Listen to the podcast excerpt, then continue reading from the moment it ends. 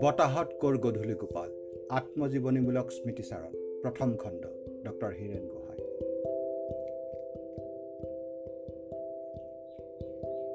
যাৰ প্ৰৰোচনাতে অসমীয়া পাঠকৰ বিৰুদ্ধে এই মহাচক্ৰান্ত আয়োজিত হৈছে সেইজনা সহচক্ৰান্তকাৰী পংকজ ঠাকুৰৰ হাতত। লেখক। পাতনি দূৰ অতীতৰ কথা মনত পৰিলেই অনিবাৰ্যভাৱে নাকত যেন লাগেহি গধূলি গোপাল ফুলৰ মৃদু সুবাস। মোৰ বাল্যকালত গোলাঘাটত ককাইদেউ বাইদেউহঁতৰ ফুলনি কৰাৰ চখ আছিল। কেতিয়াবা কেতিয়াবা ময়ো উৎসাহেৰে খন্তি লৈ ফুলগছৰ গুৰি খুচৰা আৰু শুকান পাত গুচোৱা আদি কামত সহায় কৰি দিছিলোঁ। ৰঙা বেঙুনীয়া হালধীয়া আদি ৰঙৰ ফুলৰ জিকমিকনি ভাল লাগিছিল যদিও মই ফুলনি পতাত আদিৰ পৰা অন্তলৈ সমান উৎসাহেৰে লগা নাছিলোঁ। তেতিয়া ঘৰে ঘৰে অতি সাধাৰণ আৰু শুৱনি আছিল অপৰাজিতা লতা পাতা বাহাৰ গছ আৰু স্থলপদ্ম গুটিমালি তগৰ আদি ফুলবোৰ। মোৰ কিন্তু বেছিকৈ মনলৈ আহে পিৰালি চুকত বা বাৰাণ্ডাৰ কাষত আপোনা আপুনি গজি উঠা গধূলি গোপাল জোপোহাৰ ৰঙা ৰঙা কোমল ফুল আৰু তাৰ মৃদু সুঘ্ৰাণ আবেলিৰ মৃদু বৰত ভাহি অহা। মনত পৰিলে দীঘলীয়াকৈ উশাহেৰো যেন অনাদৃত প্ৰকৃত বন্ধু এজন এজন ব্যস্ত জীৱনৰ ভিৰৰ মাজৰ ক'ৰবাত হেৰাই থাকিল মোৰ অতীত স্মৃতিবোৰো তেনেকুৱাই। সেইবোৰ আঁকোৱালি লৈ অতীতৰ তৰংগায়িত সাগৰত ডুব দিবলৈ মোৰ মন নাযায়। কিন্তু কেতিয়াবা জিৰণি আৰু নিৰৱতাৰ মুহূৰ্তত গধূলি গোপাল ফুলৰ সেই পাহৰা সুবাহে মন আচন্ন কৰিব খোজে। এইবোৰ স্মৃতিৰ সুঘ্ৰাণৰ অংশ পাঠকক পাঠকক দিব খুজিছোঁ। ঠিক আত্মজীৱনী নহয় বয়স বাঢ়ি অহাৰ লগে লগে অনুভৱ কৰা লক্ষ্য কৰা উপলব্ধি কৰা কথাবোৰ চৰিত্ৰবোৰ ঘটনাবোৰ পৰিৱৰ্তনবোৰ ইয়াত লিপিবদ্ধ কৰিছোঁ। বহুতো কথা পাহৰিছোঁ কিছুমানৰ স্থান কালৰ লৰচৰ হোৱা বুলি আশংকা হয় কিন্তু তাৰ মাজত সত্যনিষ্ঠাৰ চেষ্টা মই নথকা নহয়। সমাজ সংস্কৃতিৰ পৰিৱৰ্তনৰ সাক্ষী হিচাপেও মই আত্মকথা লিখিছোঁ। আন একো নাপালেও ক্ৰমে দিগন্ত বিলীয়মান হোৱা জগত এখনৰ শেষ পোহৰখন পাঠকে ইয়াত পাব বুলি পাব বুলি ভাবোঁ। সমসাময়িক কালৰ কেইজনমান লেখকৰ আত্মজীৱনী পঢ়ি পংকজ ঠাকুৰে কৈছিল যে সম্পূৰ্ণ কালানুক্ৰমিক বিৱৰণ নিদি সময়ৰ ৰেখাডাল মোৰ কল্পনাৰ গতিপথ অনুযায়ী অকা পিছা কৰিবলৈ দিলেহে বিৱৰণ সুখপাঠ্য হ'ব সুপাঠ্য হ'ব। মই কিছু পৰিমাণে এই পদ্ধতি অনুসৰণ কৰিছোঁ। বিৱৰণ যাতে আমনি লগা নহয় সেইবাবে প্ৰকাশভংগীৰ বৈচিত্ৰ বৈচিত্ৰৰ চেষ্টা কৰা হৈছে। পশ্চাৎপদ অংকনৰ দায়িত্ব লৈ মোক দুৰ্ভাৱনৰ পৰা মুক্ত কৰাৰ বাবে শ্ৰীযুত বীৰণ সিংহ আৰু প্ৰিয় মোৰ প্ৰিয় প্ৰাক্তন ছাত্ৰ সমীৰ তাঁতিক আন্তৰিক ধন্যবাদ জনাইছোঁ। কিবা দোষ ত্ৰুটি হ'লে পাঠকে মাৰ্জনা কৰিব। জ্ঞানী লোকে কয় আনৰ লগতে নিজকো ক্ষমা কৰিব নোৱাৰিলে আত্মজীৱনী লিখা অসম্ভৱ। হীৰেণ গোহাঁই নিজৰাপাৰা গুৱাহাটী তিনি সাতাইছ দহ দুহেজাৰ পাঁচ। পুনশ ইয়াৰ বেছি অংশ অনুজ প্ৰতিম পংকজ ঠাকুৰে উৎসাহ দি আজিৰ অসম কাকতৰ মাহেকীয়া আলোচনীত লিখাইছিল তেখেতৰ ওচৰত আৰু নতুন প্ৰকাশন সন্থা পদাধিক প্ৰকাশন গোষ্ঠীৰ ওচৰত মই কৃতজ্ঞ। ইয়াৰ সৰহভাগ আজিৰ অসম মাহেকীয়া প্ৰমুখ্যে দুখনমান পত্ৰিকাত পূৰ্বে প্ৰকাশিত। কিন্তু পাঠকৰ মাজত বহুত প্ৰচাৰি প্ৰচাৰিত নহয়। চোৱা চোৱাকৈ লিখাত দুটামান কথাৰ পুনৰাবৃত্তি ঘটিছে। কিছুমান সোঁৱৰণি বেলেগ ৰূপত লছ লাগি যোৱাত প্ৰকাশ পোৱাৰ বাবে সেইবোৰৰ পুনৰাবৃত্তি কৰিবলৈ মন নগ'ল পত্নী আৰু কন্যা আত্ৰেয়ী হেঁচাত কিছুমান পেৰাগ্ৰাফ বাদ দিবলগীয়া হ'ল। তেওঁলোকক শৈশৱৰ সোঁৱৰণি গোলাঘাট। ঊনৈছশ ঊনচল্লিছ চনত মোৰ জন্ম হৈছিল গোলাঘাটত। ঊনৈছশ চৌৰাল্লিছ চনত গোলাঘাট এৰিলোঁ পৰিয়ালৰ লগতে। তেতিয়াৰ পৰা গোলাঘাটলৈ বেছি যোৱা নাই। ঠাইখন বহুত সলনি হৈছে। কিছুমান পৰিয়ালে আটক ধুনীয়া বঙলা সজাইছে। কিছুমান সৰু কিছুমান ঘৰ সৰুতে দেখা নাছিলোঁ। মোৰ শৈশৱতকৈ ৰাস্তা ঘাটো অলপ ভাল হৈছে। সৰুতে আমি বৰপুখুৰীৰ পানী খাইছিলোঁ। ঘৰত পানী ভাৰীয়ে পানী থৈ গৈছিল। এতিয়া কলৰ পানী হৈছে। কলেজ হৈছে কেইবাখনো। আধুনিক জীৱনৰ চন্দ্ৰ আহিছে আওহতীয়া চহৰখনলৈ। তথাপি মোৰ সৰুকালৰ গোলাঘাটখনহে ভাল লাগে। মনৰ গোপন কোঠালিত মূল্যৱান ৰত্নৰ দৰে সাঁচি থৈছোঁ ল'ৰালি সেই মুকলিমৰীয়া ৰঙিয়াল সজীৱ দিনবোৰ মোহ লগা ছবিবোৰ কেতিয়াবা হঠাৎ কোঠাৰ দুৱাৰ মেলি কোঠাৰ দুৱাৰ মেল মেল খাই যায় স্বপ্নাবিষ্টৰ দৰে কোঠাৰ পৰা ওলাই কোঠাটোত সোমাই যাওঁ আৰু বহু পৰ জলকা লগাৰ দৰে সেই কোঠাটোত সোমাই থাকোঁ। তেতিয়াও ডাঙৰৰ কৰ্তৃত্ব আৰু শাসনে কঠোৰ ৰূপ লোৱা নাই। সৰু ল'ৰা বুলি প্ৰশ্ৰয় আৰু আদৰেই আদৰেই পাওঁ। সংসাৰৰ কাইটীয়া কথাবোৰ চকুত পৰা নাছিল গাত লগা নাছিল। সেইবাবে হয়তো গোলাঘাটৰ স্মৃতি ইমান মিঠা হৈ মোৰ মিঠা হৈ আছে মোৰ মনত। কিন্তু মাজে মাজে এই মিঠা সোৱাদৰ বাবেও বাবেই কিছু অবাস্তৱ যেন লাগে কথাবোৰ। এতিয়া মই যিজন মানুহ তেওঁৰ তেওঁৰ কোনো বৈশিষ্ট্যই গোলাঘাটৰ কালচোৱাত দেখা নাপাওঁ। মই আন দহজন অসমীয়া ল'ৰাৰ দৰে আছিলোঁ হ'বলা। গুৱাহাটীলৈ অহাৰ পিছত মোৰ হঠাতে খং উঠা আৰু আহত অভিমানৰ ফলত প্ৰবল জেদ ভাৱ জাগি উঠা স্বভাৱ এটাই গঢ় লোৱা মই নিজেই গম পাইছিলোঁ। কিন্তু গোলাঘাটত থকা সময়ত তেনে কোনো বৈশিষ্ট্য গঢ় লোৱা মোৰ মনত নপৰে। কিন্তু মই গোলাঘাটৰ কথাবোৰ যেনেকৈ মনত ৰাখিছোঁ মোৰ ভাই ককাই বাই ভনী কাৰো তেনেকৈ স্পষ্টকৈ মনত নাই। হয়তো এইবোৰ অদৰকাৰী কথা বুলি ভাবি তেওঁলোকে পাহৰি পেলালে। নতুন নতুন অভিজ্ঞতাৰ তৰপ তৰপৰ তলত সেইবোৰ হেঁচা খাই লুকাই থাকিল। কিন্তু মোৰ মনত আছে আৰু মোৰ মনত পৰে সেইবোৰ সেই কথাবোৰ। সৰু চহৰ খেতি বাতিৰ পৰিৱেশ নাথাকিলেও গাঁৱৰ দৰে তাৰ সমাজৰ আত্মীয়তা আৰু বন্ধন দেউতা স্কুলৰ ছাব ইনস্পেক্টৰ চাইকেলত উঠি স্কুল স্কুল চাই ফুৰে।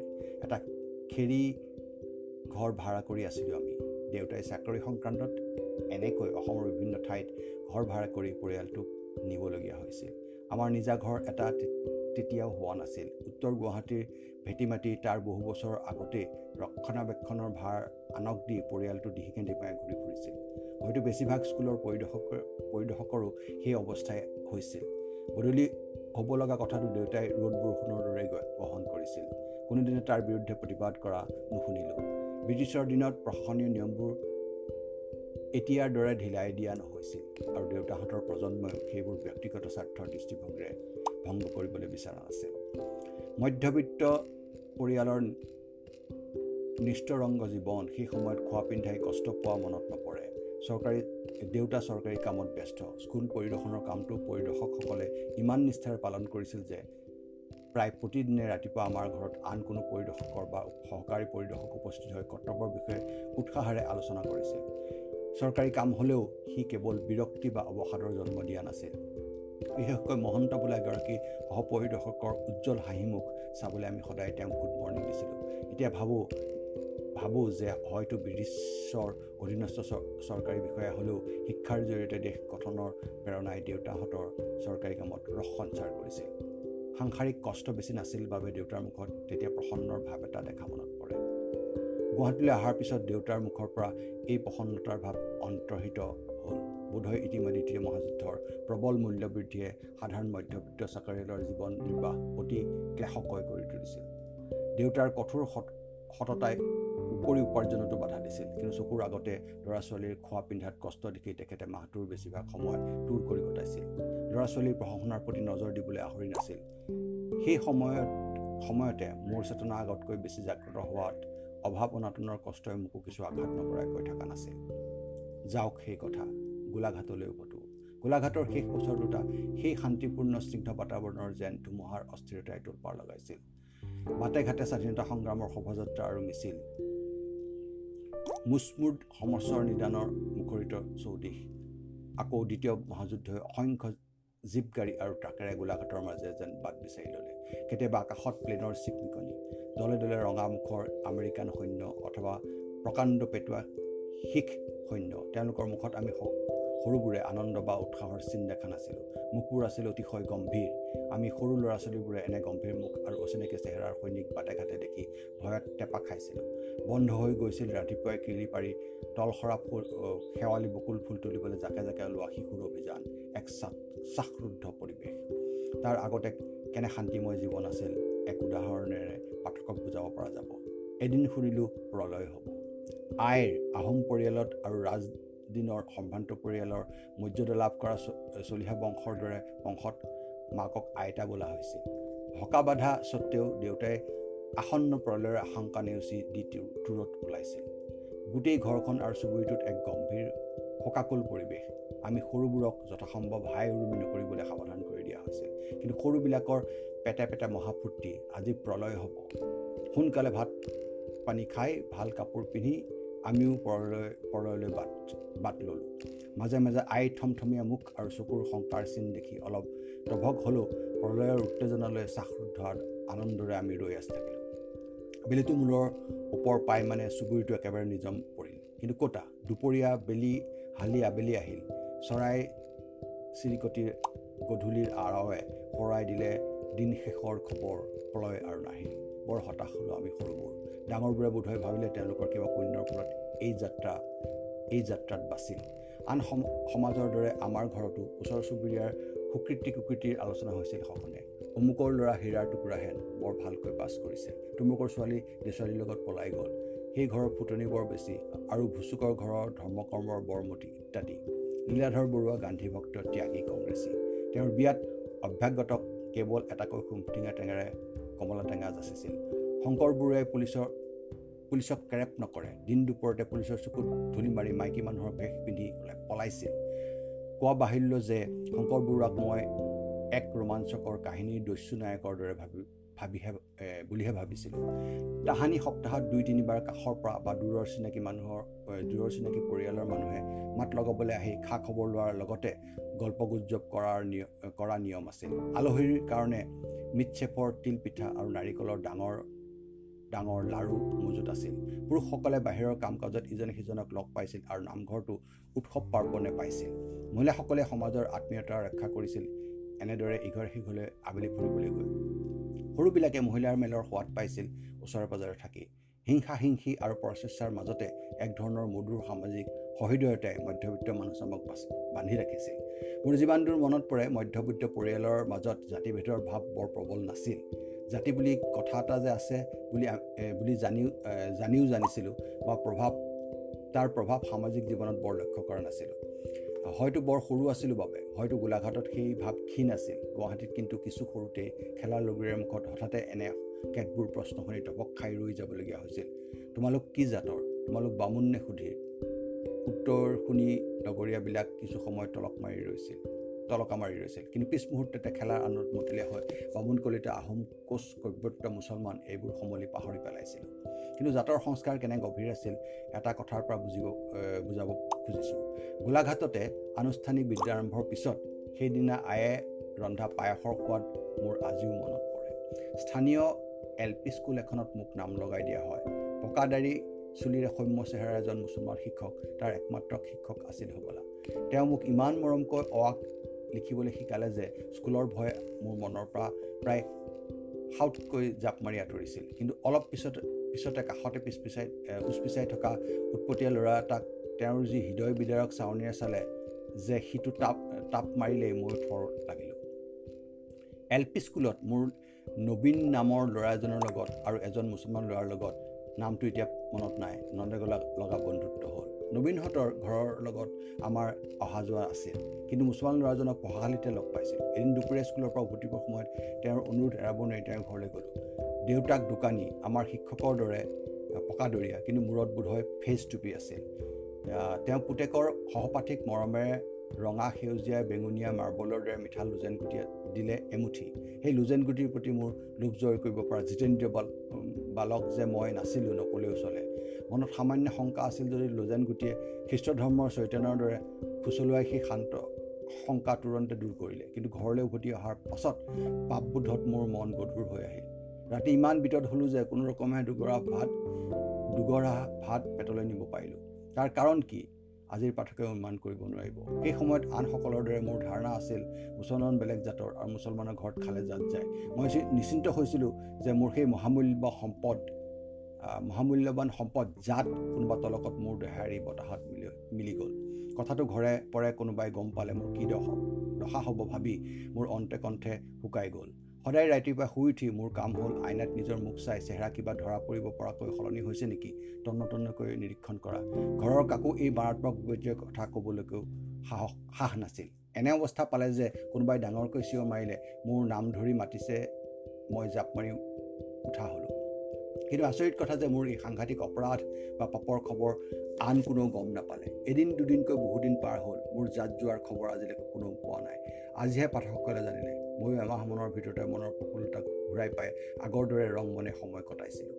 জাতৰ কথা আৰু বেছি মনত নাই কিন্তু এবাৰ আমাৰ আই নামঘৰত আগশাৰীত বহি থকা স্বত্তেও বিলনীয়াগৰাকীয়ে মাহ প্ৰসাদ বিলাবৰ সময়ত আইক চেৰাই প্ৰথমতে পিছৰ শাৰীৰ এগৰাকী তথাকথিত উচ্চ জাতৰ মহিলাক দিছিলে হেনো।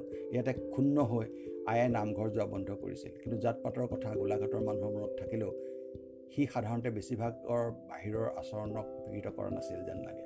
শিক্ষিত চামে সেই কালত আধুনিক শিক্ষাৰ পাঠবোৰ কিছু আন্তৰিকতাৰে গ্ৰহণ কৰিছিল। কিন্তু তাহানিৰ সমাজৰ জাত পাতৰ বাহিৰেও আৰু বহু ধৰণৰ ভেদাভেদ আছিল।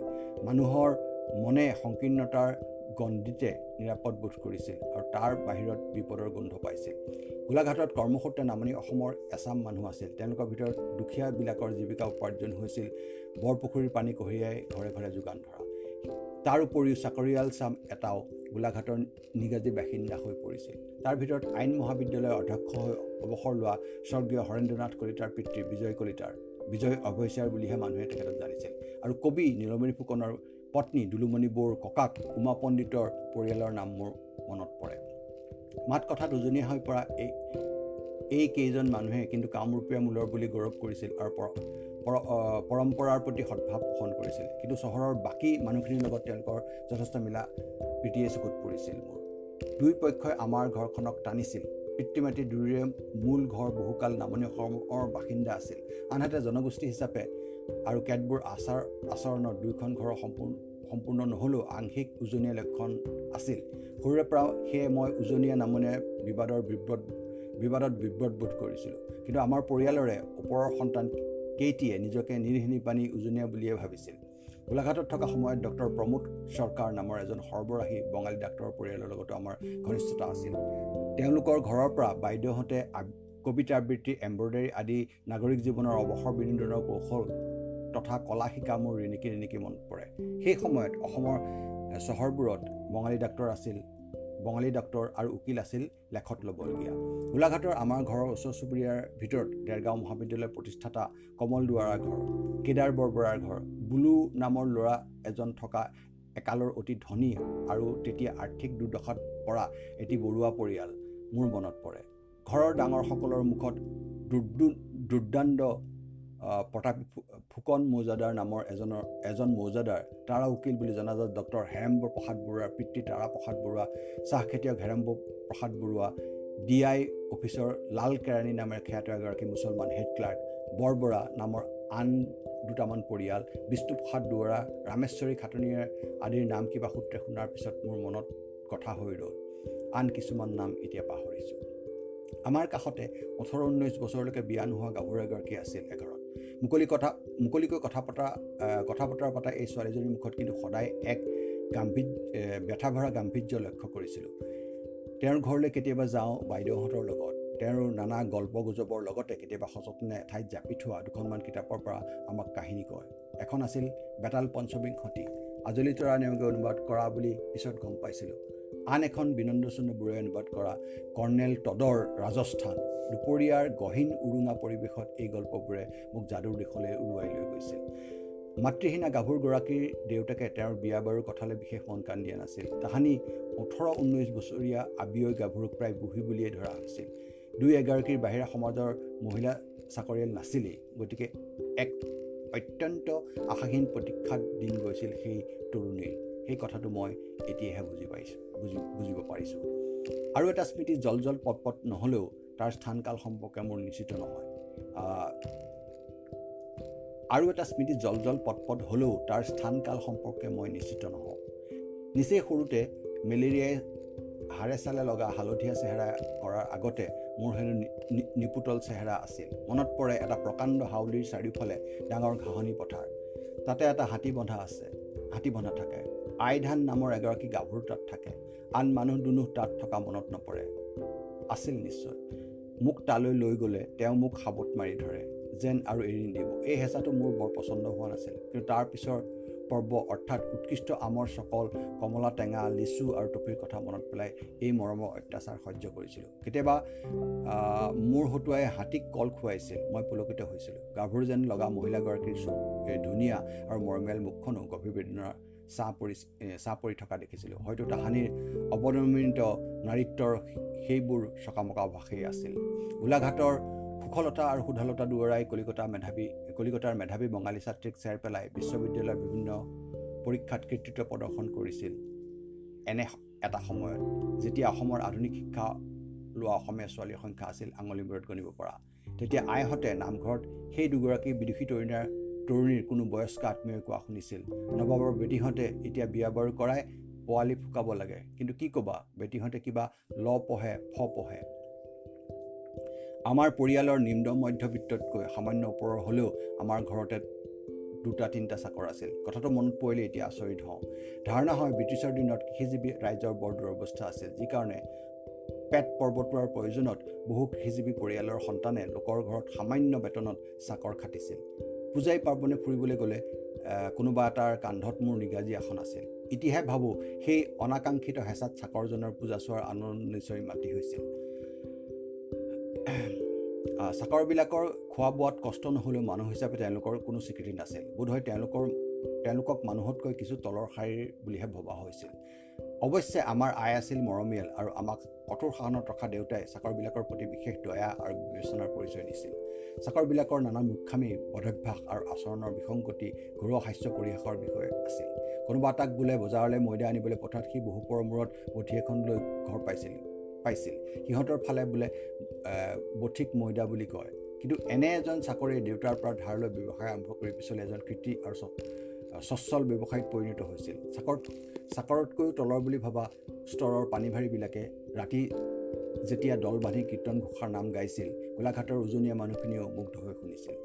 আগতেই কৈছোঁ যে আমাৰ পিতৃ মাতৃৰ মূল ঘৰ মূল ঘৰ দুখনত পৰম্পৰাগত অহিন অহিন্দু আহোম আচৰণ নীতিৰ প্ৰভাৱ তাকৰ আছিল। আইহঁতৰ ঘৰত আনকি পাকঘৰত মুৰ্গী সোমাবলৈকো দিয়া নহৈছিল। কেতিয়াবা পৰিয়ালত কোনো গৰম তেজৰ ডেকাৰ মুৰ্গী খাবলৈ মন গ'লে চোতালৰ চুকত নিজে ৰান্ধি খাইছিল। তেনেস্থলত আমাৰ দুই দুই ঘৰতে মদৰ প্ৰচলন নাছিলেই বৰণ বৰং মাদক পানীয়ৰ প্ৰতি এক ভয় মিশ্ৰিত বিৰাগৰ ভাৱহে আছিল। আমিও সৰুতে মদ খোৱা মানুহ দেখিলে ঘৃণা আৰু ভয়ৰ ভাৱেৰে চাইছিলোঁ। মোৰ যেতিয়া আঠাইছ বছৰমান বয়স হ'ল আৰু উপযুক্ত সংগ পালে এটুপি ধৰা অভ্যাস হ'ল তেতিয়াহে খবৰ পালোঁ যে সাজপানীৰ ৰূপত মদ আহোমৰ সামাজিক ঐতিহ্যৰ অন্তৰ্গত। কোৱা বাহিল্য যে বাইবেলৰ সেই ধোঁৱাকলীয়া সন্তানটি প্ৰডিগেল চানৰ দৰে ময়ো আৰু পলম নকৰি নিজৰ সম্প্ৰদায়ৰ সেই গৌৰৱময় ঐতিহ্যৰ উভতি ঐতিহ্যলৈ উভতি আহিলোঁ। আজিৰ পৰিপক্ক প্ৰজ্ঞাৰে সোমৰসৰ ঐশ্বৰিক গুণাৱলী সম্পৰ্কে যি ধাৰণাই নকৰোঁ সৰুকালত কিন্তু মদ খোৱা মানুহ দেখিলে আতংকিত হৈছিলোঁ।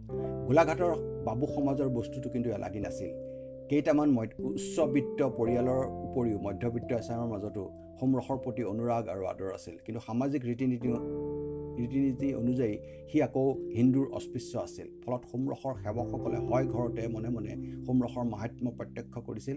নহ'লে আন কোনো ভিতৰপকীয়া বান্ধৱ বন্ধু বান্ধৱৰ ঘৰতে তিনি চাৰিজন মিলি তালৈ পূজা এভাগ আগবঢ়াইছিল। অসুবিধাৰ কথা এয়ে যে পূজাত হুলস্থুল হ'লেই আৰু সোমৰসৰ পূজাটো নোহোৱাকৈ থকা নাছিল।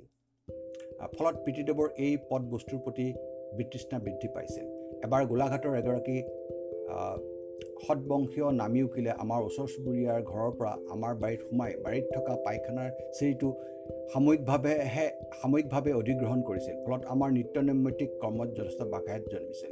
সমৰসৰ প্ৰভাৱ প্ৰভাৱত হওক বা স্বাভাৱিক চেহেৰাৰ বাবেই হওক মানুহজনৰ মুখখন অসম্ভৱ ৰঙা পৰিছিল। আমি সৰুকেইটাই গঞা মানুহে দূৰৰ পৰা বনৰীয়া হাতী বা গড় খেদাৰ দৰে হৈ হৈ কৰি পায়খানাৰ চিৰিমুক্ত কৰিবলৈ আহো পুৰুষাৰ্থ কৰিছিলোঁ। কিন্তু ভদ্ৰলোক কিবা ভাৱত মগ্ন হৈ আমাৰ সেইবোৰ হৈ হৈ হৈচৈলৈ কৰ্ণপাত কৰা নাছিল। দুঘণ্টামানৰ পিছত ধ্যানভগ্ন হোৱাত তেখেতে হঠাতে সুৰূপ কৰে বাৰীৰ জৰা পাৰ হৈ আঁতৰি গৈছিল। দুপৰীয়া এক ভদ্ৰলোক দুপৰীয়া এক ভদ্ৰলোক আছিল দিনৰ বেলা মাটিৰ মানুহ। চৰি চুবুৰীয়া এক ভদ্ৰলোক আছিল দিনৰ বেলা মাটিৰ মানুহ। সন্ধিয়া হ'লেই বন্ধু বা লগোৱা এটাৰ কাষত লৈ কঁকালত টঙালি বান্ধি সোমৰস সেৱন কৰে আৰু কথাটোত খদমদম লগাই ওচৰ চুবুৰীয়াক উদ্দেশ্য কৰি বিকট গৰ্জন গৰ্জন কৰে। দেউতাই কথাটোত বৰ অস্বস্তি পাইছিল। আমি সৰুবোৰে কিন্তু তেনে দিনবোৰলৈ ভয় মিশ্ৰিত আনন্দৰে বাট চাই বাট চাইছিলোঁ। আৰু নিমাখিত ভদ্ৰলোকজন সোমৰসৰ যাদুত তুৰন্তে মধ্যম পাণ্ডৱত পৰিণত হোৱা চাই অতিশয় সন্তোষ লাভ কৰিছিলোঁ। আমি গোলাঘাট এৰি আঁতৰি অহাৰ আগদিনা ভদ্ৰলোকজনে ভদ্ৰলোকে আমাৰ ঘৰলৈ আহি সৎ চুবুৰীয়াৰ দৰে খা খবৰ লৈছিল। তেখেতৰ কথা বতৰাত সদায় দেখা নম্ৰতাৰ লগতে যেন অনুতাপৰ সুৰো শুনিছিলোঁ। কিন্তু ইতিমধ্যে বহুদিনীয়া উপদ্ৰৱত অতিষ্ঠ হৈ পৰা দেউতাই তেখেতক বিদ্ৰূপৰ সুৰত উত্তৰ দিছিল। মোৰ শিশুৰ অন্তৰ ভদ্ৰলোকৰ প্ৰতি সংবেদনাত সিক্ত হৈ উঠিছিল। গোলাঘাটত থকা সময়ত পঢ়া শুনা কি মই বুজাই নাছিলোঁ। কেইদিনমান স্কুললৈ গৈ যেতিয়া একত চাৰি চৈধ্য একত পাছে পোন্ধৰ আদি আমনি লগাকৈ চিঞৰিব লগা হৈছিল আৰু সদায় বাঘ বৰালি মাধৱ ভৰালি জাতীয় ছন্দ বাৰে বাৰে দোহাৰিবলগীয়া হ'ল তেতিয়া এটা বুদ্ধি সাজিলোঁ। চহৰৰ নামঘৰটো অলপ নিজান জেগাত। তাৰ কেওকাষে কেওকাষে আহঁত বকুল আদি গছ। মই লগৰীয়াৰ লগ লগৰীয়াৰ লগত স্কুললৈ বুলি খোজকাঢ়ি আহোঁতে সেইখিনিতে পাছ পৰোঁ আৰু আনে গম ধৰিব নোৱাৰ নোৱাৰাকৈ গছ এজোপাৰ আঁৰ হৈ ৰওঁ। তাৰপিছত গছজোপাৰ ছাতে বহি চৰাই চিৰিকটি চাই বা সৰুকালৰ কল্পনাৰে পাহাৰ আকাশ পাতাল গুণি পাৰ কৰি দিওঁ। স্কুলৰ পৰা সহপাঠীবিলাকে হুলস্থুল কৰি উভতি আহিবৰ সময়ত আকৌ সিহঁতৰ লগতে মিলি ঘৰলৈ উভতি আহোঁ। লগৰীয়া বোলে কৌশলটো লক্ষ্য কৰাই নাছিল। কেইবাদিনো এনেদৰে বিদ্যা বিদ্যাভ্যাস কৰাৰ পিছতহে শিক্ষকে ঘৰলৈ খবৰ পঠালে আৰু মোৰ অজ্ঞাতবাসৰ সীমানাতে অন্ত পৰিল এই পুণ্য ফেৰাৰ ফলতে বোধ হয় ক মানৰ পৰা খ মানলৈ মই উঠাব নোৱাৰি। ঘৰত প্ৰচুৰ দাবী হুমুকি ইটিঙিঙৰ সন্মুখীন হৈছিলোঁ। গোলাঘাটত থকা কালচোৱাত ডাঙৰ ককাইদেৱে ডাঙৰ ককাইদেউ বাপুৱে পুষ্পেন্দ্ৰ নাথ দেউতাক দেউতাৰ প্ৰবল আশা আকাংক্ষা নাকচ কৰি বিদ্যান পণ্ডিত হোৱাৰ পথ ঘৃণাৰে বৰ্জন কৰি গছত উঠিবলৈ গৈ পৰি হাত ভঙা বাঁহৰ পৰা চৰাই পোৱালি ধৰি আনি পোহা বৰশী বাই মাছ ধৰা পিটিক চিটিকা পাতি চৰাই ধৰা আদি বিদ্যাত হাত পকাই কৰ্ম সংস্কৃতিৰ অনুশীলন কৰিছিল। দেউতাৰ হকাবাদা নুশুনি মাঘ বিহুৰ মেজি কেনেকৈ আনৰ ঘৰতকৈ ওখ কৰিব পাৰি তেনে উচ্চ চিন্তাত তেওঁ বেছি নিমগ্ন আছিল। তাকে লৈ মাজে মাজে দেউতাৰ গাজনি ঢেৰেকনিৰ আগত পৰিলেও ককাইদেৱে এক স্থিতপজ্ঞৰ মনোভাৱেৰে স্বনিৰ্বাচিত কৰ্তব্যৰ পথত অটল হৈ আছিল। সৰু ককাইদেউ পঢ়া শুনাত চোকা আৰু মনোযোগী আছিল। তেওঁৰ চখ আছিল ফুলনি বাগিচা। আমি সৰুবোৰে দুয়োজন ককাইদেউৰ লাচনি পাচনি কৰি পৰম তৃপ্তি লাভ কৰিছিলোঁ। আনৰ মুখত শুনা কথা দেউতাই থিয়েটাৰ বস্তুটো বৰ বেয়া পাইছিল আৰু চিগাৰেটৰ দৰে এটা চখে ল'ৰাৰ জীৱন ধ্বংসৰ বুলি কৰে বুলি তেখেতৰ বদ্ধমূল বিশ্বাস আছিল। অনিবাৰ্যভাৱে ডাঙৰ ককাইদেউৰ মন সেইফালে ঢাল খালে আৰু তেওঁ দুই এখন নাটকত ভাও লোৱা আৰম্ভ কৰিলে। আমাৰ দেউতাই গম পালে যে এখন নাটকত ককাইদেৱে ভীমৰ পাৰ্ট ল'ব। গধূলি দেউতাই হাতত লাঠি এডাল লৈ নাটক হোৱা মুকলি ঠাইখনলৈ গৈ দৰ্শকৰ মাজত থিয় দি থাকিল যথাসময়ত হাতত মস্ত এডাল কাগজৰ গদালৈ ভীমৰূপী ডাঙৰ ককাইদেউ মঞ্চত আৱিৰ্ভাৱ ঘটিল। কান্ধত গদালৈ বীৰ দপে মঞ্চত এপাক ঘূৰোতেই দেউতাই দৰ্শকৰ মাজৰ পৰা লাঠিডাল দাঙি কঠোৰ চাৱনীয়ে ককাইদেউৰ পিনে চালে। দুশাসনৰ প্ৰতি গদা উদ্যত কৰা ককাইদেৱে তৎক্ষণাত জয় পৰি গদা পেলাই মঞ্চৰ পৰা পলায়ন মঞ্চৰ পৰা দৌৰ মাৰিলে। বোধহয় ইতিহাসত মাত্ৰ সেই সেইবাৰেই দুশাসনৰ পৰা ভীমে পলায়ন কৰিছে। আগতেই কৈছোঁ যে সমাজ জীৱনৰ জটিল পাকবোৰত সোমোৱাৰ বিশেষ অভিজ্ঞতা মোৰ সেই বয়সত সম্ভৱ নাছিল। হয়তো সৰু চহৰখনত জটিলতাৰ মাত্ৰাও কম আছিল। এই কথাবোৰ আমি সৰুতে বিশেষ ধৰিব নোৱাৰাৰ কাৰণ এনেকুৱাও হ'ব পাৰে যে সৰল আদৰ্শবাদী মনেৰে তেতিয়ালৈকে জীৱন পথত খোজ দিয়া দিয়া আমাৰ দেউতাই ধন ক্ষমতাৰ সেই কঠোৰ কঠোৰ পাকবোৰ নিজেই নিজেই বুজা নাছিল। সকলোৱে শেষ জীৱনলৈকে সৰল জীৱনত সকলোকে সহ জীৱনত সকলোকে শেষ জীৱনলৈকে সৰল বিচ সৰল বিশ্বাসত গ্ৰহণ কৰা দেউতাই মাজে সময়ে দুটামান নিষ্ঠুৰ অভিজ্ঞতাৰ পৰাহে বুজি বুজিব পাৰিছিল সমাজ জীৱনৰ সেই অকথিত অথচ ভয়ংকৰ দিশবোৰৰ অস্তিত্ব। এজন মেধাৱী অথচ নিজৰ প্ৰকৃত যোগ্যতাতকৈ তলৰ স্তৰত চাকৰি কৰি জীৱন নিৰ্বাহ কৰা সৎ মানুহ মানুহৰ প্ৰতি ঈৰ্ষাপৰায়ণ সতীৰ্থ আৰু সতৰ্ক শাসক শ্ৰেণীৰ মানুহৰ মনোভাৱ যে সদয় নহয়। ভদ্ৰতাৰ মুখা পিন্ধা মানুহবোৰৰ বাহ্যিক আচৰণৰ পৰা দেউতাই ধৰিব পৰা নাছিল। সাহস শ্ৰেণীৰ বাবে সততা সদায় এক আহুকলীয়া বস্তু। তেওঁলোকে সৎ লোকৰ সততাটো আত্মসংযম অৰ্থাৎ ৰেচনিং বিচাৰে। কিন্তু সৰুতে কেতিয়াবা ব্যতিক্ৰম ধৰ্মী ঘটনাৰ মাজত ভদ্ৰতাই ঢাকি ধৰা সেই জঘন্য সেই জংঘলখনৰ কাঁইটৰ আচুৰ খাইছিলোঁ। এবাৰ আমাৰ ঘৰত থকা এগৰাকী এজনী ভনীৰ জন্ম উপলক্ষে এজন চাহ খেতিয়কৰ বঙলাত মাছ ধৰিবলৈ মাছ দিবলৈ মোৰ বাইদেউ আৰু মোৰ ওপৰত ভাৰ পৰিল। ঘৰত সন্তানৰ জন্ম হ'লে বিশেষকৈ কন্যা সন্তানৰ কন্যা সন্তানৰ জন্ম হ'লে বন্ধু বান্ধৱক মাছ দি জনাব লাগে। সেই কথা মোৰ বাবে এক অভিনৱ নিয়ম আছিল। আচলতে চেমনীয়া বয়স পোৱা ককাইদেউ আৰু বাইদেউহঁতে সেই ঘৰলৈ মাছ দিবলৈ যাবলৈ ইচ্ছা নকৰাৰ বাবে আমি কণ কণ দুটাই এই দৈত্য কাৰ্য সম্পূৰ্ণ কৰিবলগীয়া হৈছিল ককাইদেউ আৰু বাইদেউহঁতৰ আপত্তিৰ কাৰণ সেই ঘৰ মানুহৰ লগত আমাৰ আহ যাহ বা কোনো আন কোনো সামাজিক সম্পৰ্ক নাছিল। কেনেবাকৈ দেউতাৰ লগত চাহ খেতিয়ক খেতিয়কজনৰ সাময়িক ঘনিষ্ঠতা হোৱাৰ ফলতে সৰস্বতীয়ে দেউতাকৰ সহৃদতাৰ সেই ফুলজাৰি দেউতাৰ সহৃদতাৰ সেই ফুলজাৰি জ্বলিছিল। চাহ খেতিয়কজনৰ ঘৰ কিছু দূৰত। বাইদেউ আৰু মই সৰু সৰু ভৰিৰে বহুপৰ খোজকাঢ়ি ক্ৰমে গধুৰ হৈ পৰা মাছৰ মোনাখন ইহাত সিহাত কৰি ঘৰটো যেতিয়া পালোঁ দূৰে মুখত মাৰ ধৰিল। প্ৰকাণ্ড এখন লনৰ সিপাৰে দুমহলীয়া আট্টালিকা বাট ভেটি আছে সুদৃশ্য লোহাৰ গেট। বগোৱাবাই উঠি গেট খুলি যি যিমানে লন লনেৰে খুপি খুপি আট্টালিকাৰ পিনে আগবাঢ়িলোঁ সিমানে মনৰ শংকা বাঢ়ি গৈছিল হাউলিটিৰ পৰা কোনেও আমাক দেখি আগুৱাই অহা নাছিল। অৱশেষত বাৰাণ্ডাত থিয় দিছিলোঁ। চুকত চাহাব মেমৰ দৰে দৰে বগা বুঢ়ী বগা বুঢ়ী মানুহ এগৰাকীয়ে ধোঁৱা খোৱা খোৱাৰ নলিচা মুখত লৈ মুখেৰে ধোঁৱা উলিয়াই আছে আৰু শুকান চাৱনীয়ে আমলৈ চাইছে। ঘটনাটো দুয়োৰে মনত ভৌতিক যেন লাগিছিল। ভয়ত অস্থিৰ হৈ বাৰাণ্ডাতে মাছৰ মোনা পেলাই দুয়ো তৰানা ছিঙি লৰ ৰৰ দিলোঁ আৰু আপোন ঘৰ নোপোৱালৈকে দৌৰি থাকিলোঁ। কিয় নাজানো ঘটনাটো দুয়ো বৰ গ্লানিকৰ বুলি ভাবিছিলোঁ। মনৰ খেদ মাৰ নিয়াবলৈ নিজান বাৰীৰ পুখুৰীৰ ওচৰলৈ গৈ আই দেউতাই নুশুনাকৈ কেইবাৰো পাৰো চিঞৰিছিলোঁ চন্দ্ৰ বৰুৱা এশ টকা ধৰুৱা তাৰপিছতহে যেন প্ৰাণত শান্তি আৰু স্বস্তি পাইছিলোঁ।